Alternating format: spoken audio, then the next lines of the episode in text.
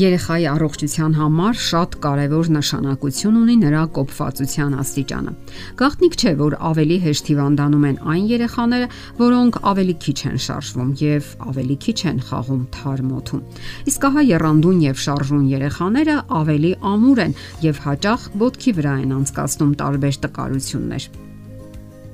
Իմունիտետը օրգանիզմի պաշտպանական հակազդեցությունն է ուղված օտարածին գործոններին։ Դրանք կարող են լինել բացիլներ, վարակներ, պարազիտներ, թունանյութեր, ալերգիա առաջացնող նյութեր։ Դեռևս մորընկերքում երեխան ստանում է հատուկ պաշտպանական անտիտելներ։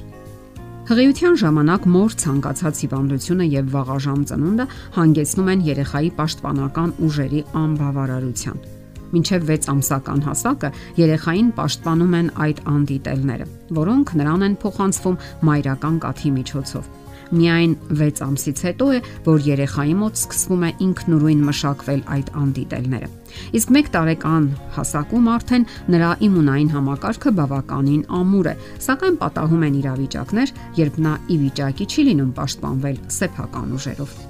Ինչպես ամրապնդել երեխայի իմունային համակարգը Նրան սատարելու գործում կարևոր դեր է խաղում կոփումը։ Սակայն կան կանոններ, որոնց հարկավոր է հետևել։ Կոփումը հարկավոր է սկսել այն ժամանակ, երբ երեխան առողջ է։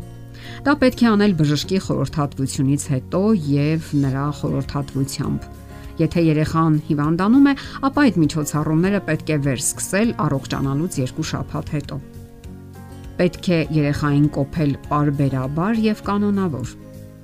Հաշվի առնել երեխայի օրգանիզմի առանձնահատկությունները։ Հանդարտ եւ հավասարակշռված երեխաները հեշտ են հետևում հրահանգներին։ Հուզական, գրգռվող, նյարդային երեխաներին անհրաժեշտ են հանդարտեցնող միջոցառումներ, խոնավ շփումներ, տագլոգանքներ հանգստացնող խոտաբույսերով։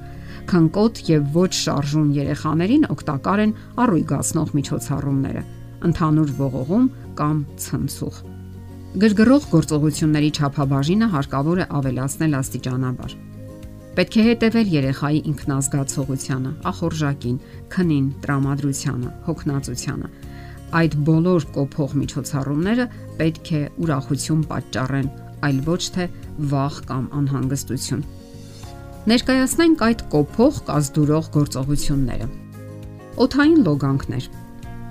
Այստեղ բարենպաստ պահը համարվում է ոչ միայն ջերմաստիճանային ազդեցությունը օրգանիզմի վրա, այլ նաև թթվասնի փոխանցումը մաշկի միջոցով։ Երեխայի սենյակում օթի լավագույն ջերմաստիճանը կախված է նրա տարիքից։ Օթային լոգանքների տեպողությունը սկզբում կազմում է 1-ից 2 րոպե, ապա յուրաքանչյուր 5 օրը 1 ավելացվում է մինչև 2 րոպե եւ հասցվում 15 րոպեի 6 ամսական երեխաների դեպքում իսկ 6 ամսականից հետո այն պետք է հասցնել 30-ից 40 րոպեի։ Այս օթային լոգանքները անպայման պետք է համակցվեն մարմնամարզական, մարմնակրթական վարժությունների հետ։ 1.5 տարեկանից մեծ երեխաները օթային լոգանքներ ընդունում են առավոտյան մարմնամարզության ժամանակ։ Արևային կոփում Հասկանալի է, որ այս դեպքում դուք սկսում եք կոփումը մասնագետի խորհրդատվությամբ երբեք պետք չէ ինքնագործունեության դիմել։ Արևային լոգանքները հակացուցված են մինչև 1 տարեկան երեխաներին եւ այն ժամանակ, երբ օթի ջերմաստիճանը հասնում է 30 աստիճանի։ Երեխաներին խորհուրդ չի տրվում նաև արհեստական ուլտրամանուշակագույն ճառագայթներ, հաշվի առնելով դրանց քաղցկեղածին ազդեցությունը։ Կոփում ջրի միջոցով։ Ջրով կոփումը ավելի մատչելի է եւ ավելի հզոր ազդեցություն է գործում օրգանիզմի վրա, Պատճառն այն է, որ ջրի ջերմանցունությունը 30 անգամ, իսկ ջերմատարողությունը 4 անգամ ավելի է, քան օթինը։ Գոյություն ունեն ջրով կոփման հետևյալ ավանդական եղանակները։ Ընդհանուր լոգանքներ։ Ամեն օր պետք է լողանալ 36-ից 37 աստիճանի ջրով 5-ից 7 րոպե, ապա ցողվել 1 աստիճանով ցածր ջրով։ Ընդհանուր խոնավ շփում Սկզբում շփում են վերին վերջույթները, ապա ներքին եւ վերջապես կուրծքն ու մեջքը։ Ջրի ջերմաստիճանը նույնն է, ինչ եւ տեղային շփումների դեպքում։ Անհրաժեշտ է նաեւ մարմնի յուրաքանչյուր մասը անմիջապես սրբել ու չորացնել ավարտելուց հետո։ Եվ վերջապես ընդհանուր ցողում։ Երեխան կարող է նստել կամ կանգնել, ուժեղ ջրի շիթը ուղղվում է երեխայի վրա 25-ից 30 սանտիմետր հեռավորությունից։ Նախ ցողում են մեջքը, ապա կուրծքը, որովայնը, ձեռքերը։ Ավարտելուց հետո սրբում եք, չորացնում այնքան, մինչև թեթև կարմրի։ Ջրի ջերմաստիճանը սկզբում 35-ից 37 աստիճան է, ապա յուրաքանչյուր 5 օրը մեկ իջեցնում եք 1 աստիճանով, հասցնելով մինչև 28 աստիճան։